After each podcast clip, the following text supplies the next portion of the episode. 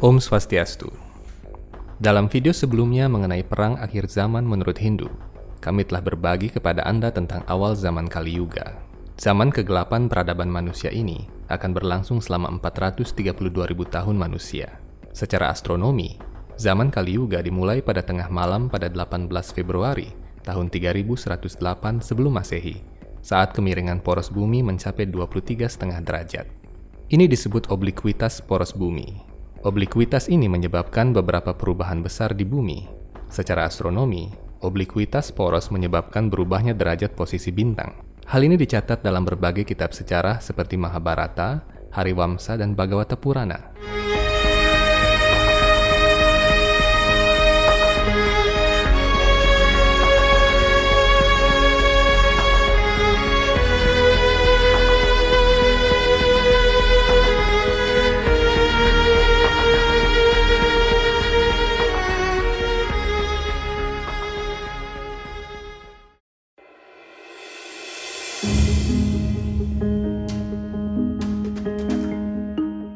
Ada banyak peristiwa berpindahnya posisi bintang pada seputaran 5000 tahun yang lalu, seperti berubahnya posisi bintang Abhijit atau Vega di rasi bintang Lira. Menurut ilmu Jyotisa, bintang Abhijit adalah bintang paling mujur di angkasa. Dinyatakan bahwa bintang ini menguasai waktu tengah malam. Siapa pun yang lahir di bawah pengaruh bintang ini akan menjadi pemimpin manusia yang hebat. Apabila suatu ritual khusus dilakukan saat bintang Abhijit berada di angkasa, maka orang yang melakukan ritual tersebut pasti akan menang dalam perang. Sebelum perang Mahabharata, Duryodhana mengetahui tentang khasiat bintang Abhijit ini. Karena itu dia berencana melakukan sebuah ritual api suci saat bintang ini ada di angkasa agar dia menang dalam peperangan. Namun Tuhan Sri Krishna mengetahui rencana jahat ini. Beliau dengan mudahnya menggeser posisi bintang Abhijit dan mengeluarkannya dari jajaran naksatra utama di wilayah ekliptik langit karena itu ilmu Jyotisa modern hanya mengenal 27 naksatra atau bintang utama, padahal sesungguhnya di masa lalu jumlahnya adalah 28. Zaman Kali Yuga dimulai saat rasi bintang Saptarsi atau Ursa Minor bersinggungan dengan garis bujur langit yang dikenal dengan nama Maga Rasi. Pada saat itulah Kali mendapatkan kekuatan besar. Sesungguhnya mulai dan berakhirnya suatu zaman adalah kehendak Tuhan. Dharma dan Adharma silih berganti menguasai dunia juga adalah atas kehendak Tuhan. Zaman Kali Yuga adalah saat Adharma berkuasa di bumi. Namun di balik semua itu, Tuhan memiliki rencana luar biasa untuk menyelamatkan umat manusia yang beruntung. Pada saat ini, zaman kegelapan Kali Yuga baru memasuki tahap awal.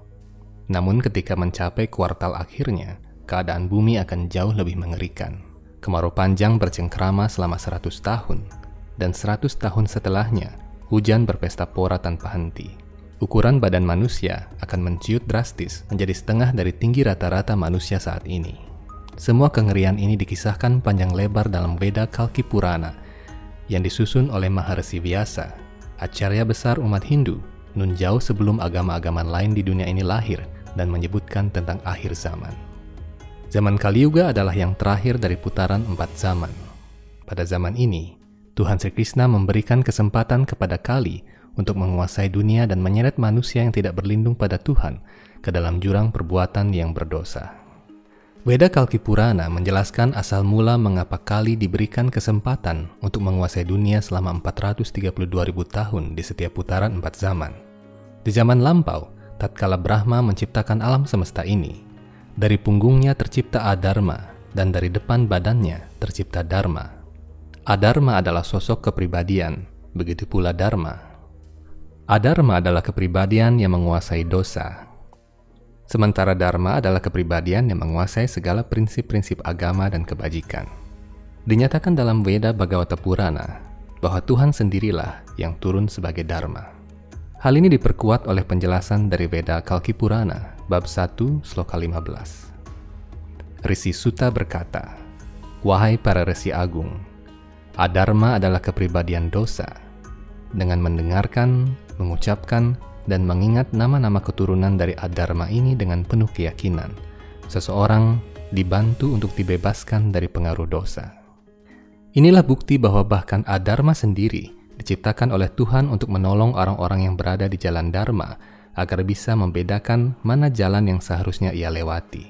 Ini juga membuktikan bahwa walaupun bahwa walaupun kitab suci Weda menjabarkan tentang iblis Hiranyakashipu misalnya, yang bukan main jahatnya, kisah sejarah itu tetap menyucikan siapa pun yang menyimaknya karena itu terkait dengan kegiatan rohani dan rencana ajaib Tuhan.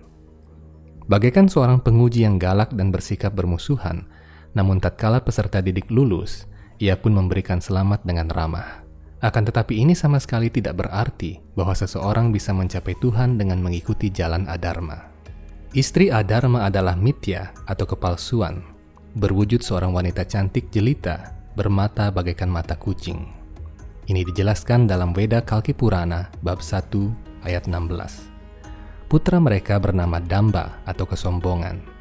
Damba menikahi adik perempuannya sendiri, yakni Maya, dan darinya lahir anak laki-laki bernama Loba atau ketamakan, dan seorang anak perempuan bernama Nikriti atau penipuan. Mereka berdua menikah dan lahirlah Kroda atau kemarahan. Himsa atau sifat iri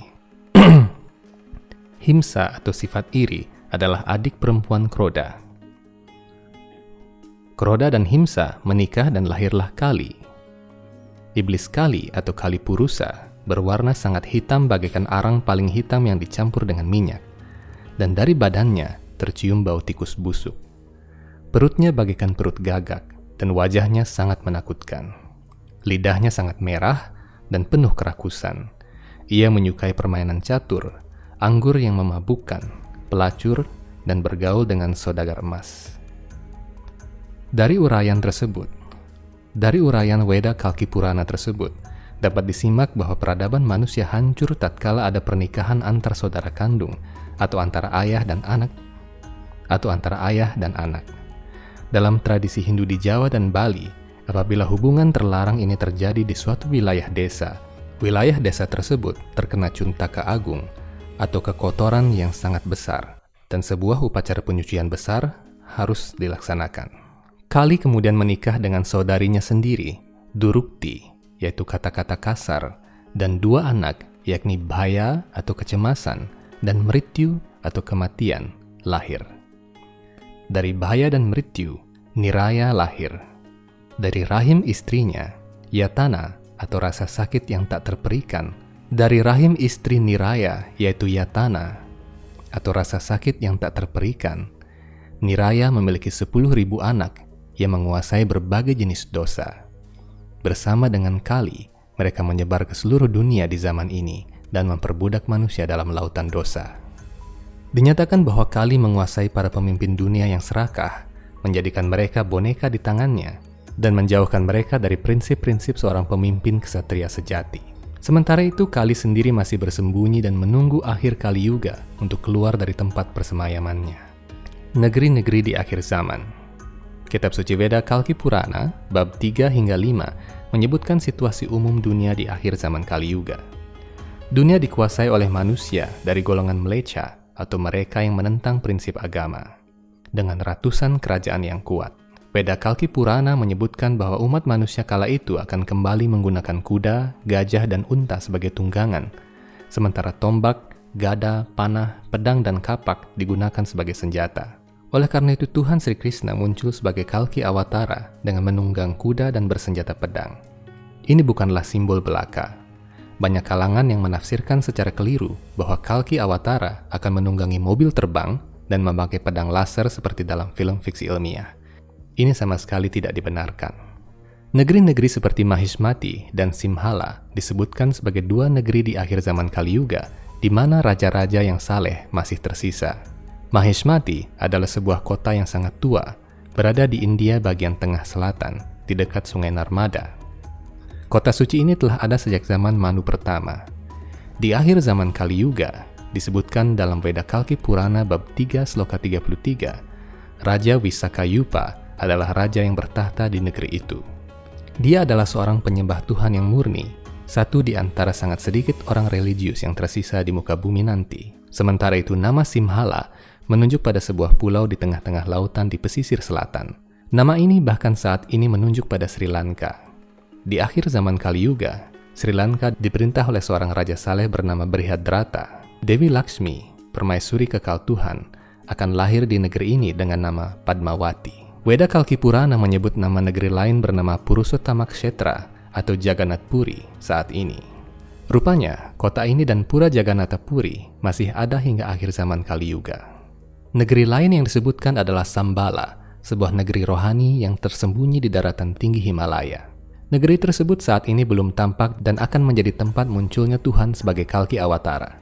Dinyatakan bahwa saat para Brahmana atau orang suci berbondong-bondong meninggalkan negeri Baratawarsa karena ditindas oleh raja-raja yang jahat, saat itulah negeri Sambala akan muncul di kancah peradaban dunia. Ada negeri lain lagi yang bernama Kalapa. Weda Bhagavata Purana menyebut Kalapa sebagai sebuah desa di Himalaya. Kalapa berada di dekat Sambala dan telah disebutkan dalam sejarah Weda sejak zaman Ramayana. Ketika Mahapadmananda, Raja Lalim yang menentang Weda, menyerang kota Ayodhya pada tahun 400 sebelum Masehi.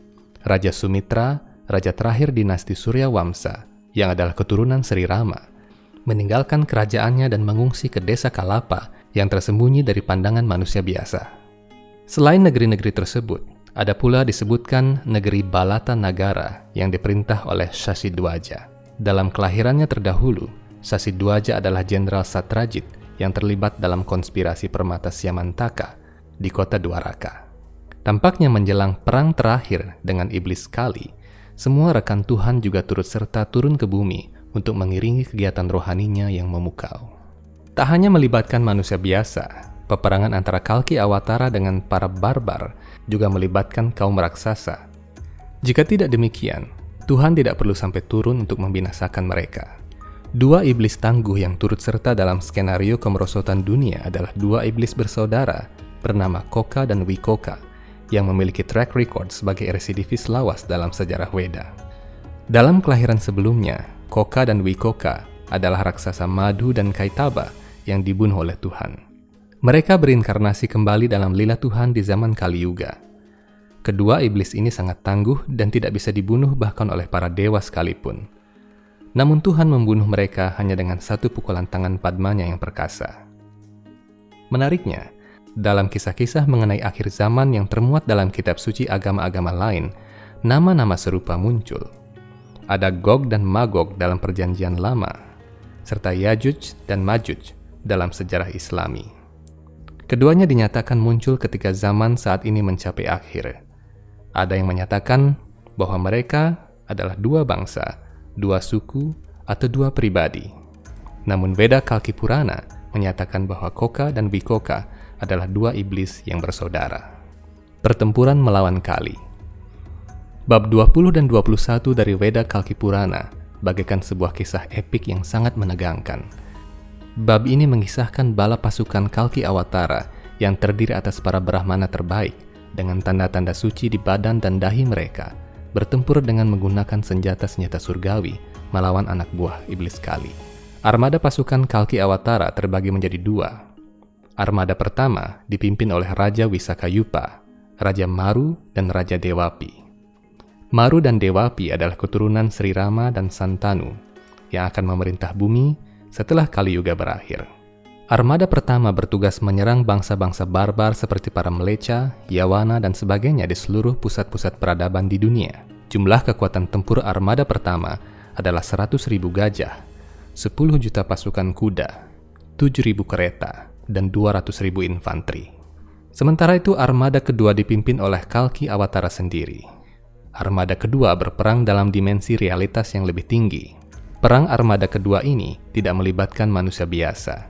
Para perwira armada kedua adalah pribadi-pribadi yang lebih tinggi kedudukannya daripada manusia biasa, seperti para dewa, para brahmana terbaik, dan kepribadian Dharma.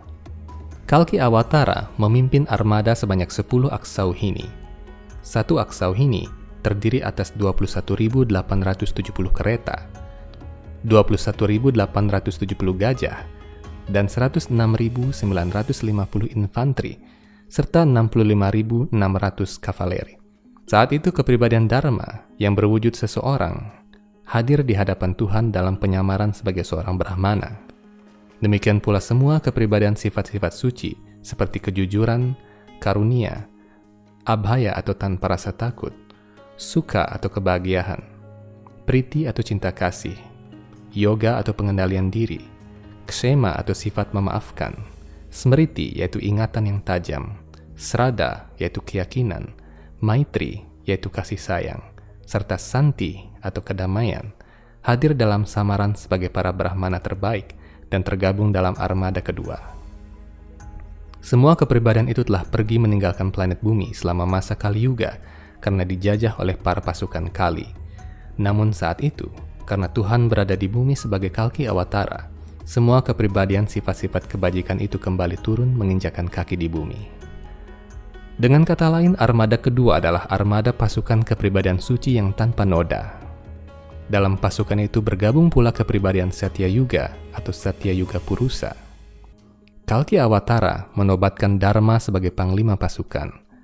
Beliau berjanji akan selalu berada di belakang Dharma untuk membantunya kapan pun diperlukan. Armada pasukan pertama menghancurkan kerajaan-kerajaan meleca yang membebani dunia, menghukum penjahat yang menyamar menjadi raja-raja yang licik. Sementara itu armada kedua menyerbu ibu kota kediaman Kali yang udaranya berbau daging sapi busuk. Kota itu dikenal dengan nama Wisasana mendengar armada Tuhan tiba di gerbang kotanya seraya meniupkan trompet kerang. Kali kemudian menghimpun pasukannya yang terdiri atas himpunan kepribadian sifat-sifat yang buruk dan jahat. Kepribadian kepribadian Dharma dan Satya Yuga berhadapan melawan Kali, sementara semua armadanya bertempur satu lawan satu dengan bala pasukan Kali. Para dewa menyaksikan perang yang sangat mengerikan ini dari angkasa dengan perasaan takjub. Menyadari bahwa kekuatannya melemah karena kehadiran Tuhan di bumi, Kali turun dari keretanya, memutar haluan dan kembali masuk ke kota Wisasana yang dihuni burung hantu dan binatang-binatang mengerikan. Ia menyadari bahwa Dharma memperoleh kekuatannya kembali karena Tuhan telah turun ke bumi. Dharma dan Satya Yuga menghancurkan kereta Kali yang ditarik oleh keledai-keledai hitam. Panji-panji Kali yang bergambar burung hantu jatuh dan hancur berantakan. Kitab Suci Weda Kalki Purana, bab 21, sloka 9 menyebutkan, Dharma dan Satya Yuga masuk ke ibu kota Kali di negeri Wisasana dan membakar seluruh kota itu dengan panah-panah api. Kali pun terbakar bersama kota-kotanya, namun rupanya ia berhasil selamat. Ini menandakan bahwa walaupun Kali telah kalah, ia berhasil selamat. Tuhan membiarkannya tetap hidup hingga zaman Kali di putaran berikutnya. Kemudian bab 21 sloka 10 menyatakan, Karena seluruh anggota keluarga dan armadanya tewas dalam kebakaran dahsyat itu, Kali tak punya jalan lain kecuali menyerah. Ia meninggalkan kerajaannya dan pergi ke negeri yang sangat jauh, sembari terus-menerus meneteskan air mata kekalahan. Karena Kali telah menyerah, maka kekuatan orang-orang jahat di muka bumi menjadi berkurang. Dengan cepat bagaikan lewatnya malam, pasukan Raja Wisakayupa, Raja Maru, dan Raja Dewapi menumpas semua manusia biadab di muka bumi ini.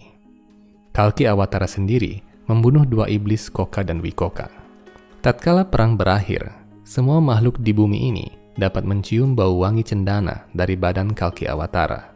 Karena mencium aroma wangi badan Tuhan, pikiran semua manusia seketika menjadi suci, bagaikan keluar dari mimpi buruk yang sangat gelap setelah sekian lama. Kecerdasan rohani setiap orang mulai bangkit. Langit kembali cerah, dan bumi kembali segar dan hijau seperti sedia kala. Dharma dan bala pasukannya dapat kembali bebas berkeliling dunia tanpa ancaman. Para resi agung dari berbagai planet dan para dewa dari planet-planet surga kembali turun ke bumi. Sungai-sungai suci yang menghilang seperti Gangga, Yamuna, dan Saraswati muncul ke permukaan bumi lagi setelah menghilang sangat lama Demikian pula tempat-tempat suci yang bertebaran di seluruh bumi. Demikian kisah mengenai perang akhir zaman Kali Yuga menurut kitab suci Weda. Dalam bagian ketiga dari video ini, kami akan berkisah tentang situasi bumi di zaman setelah Kali Yuga. Nantikan bagian ketiga dalam kesempatan berikutnya hanya di Hindu Times Channel. Om Santi Santi Santi Om.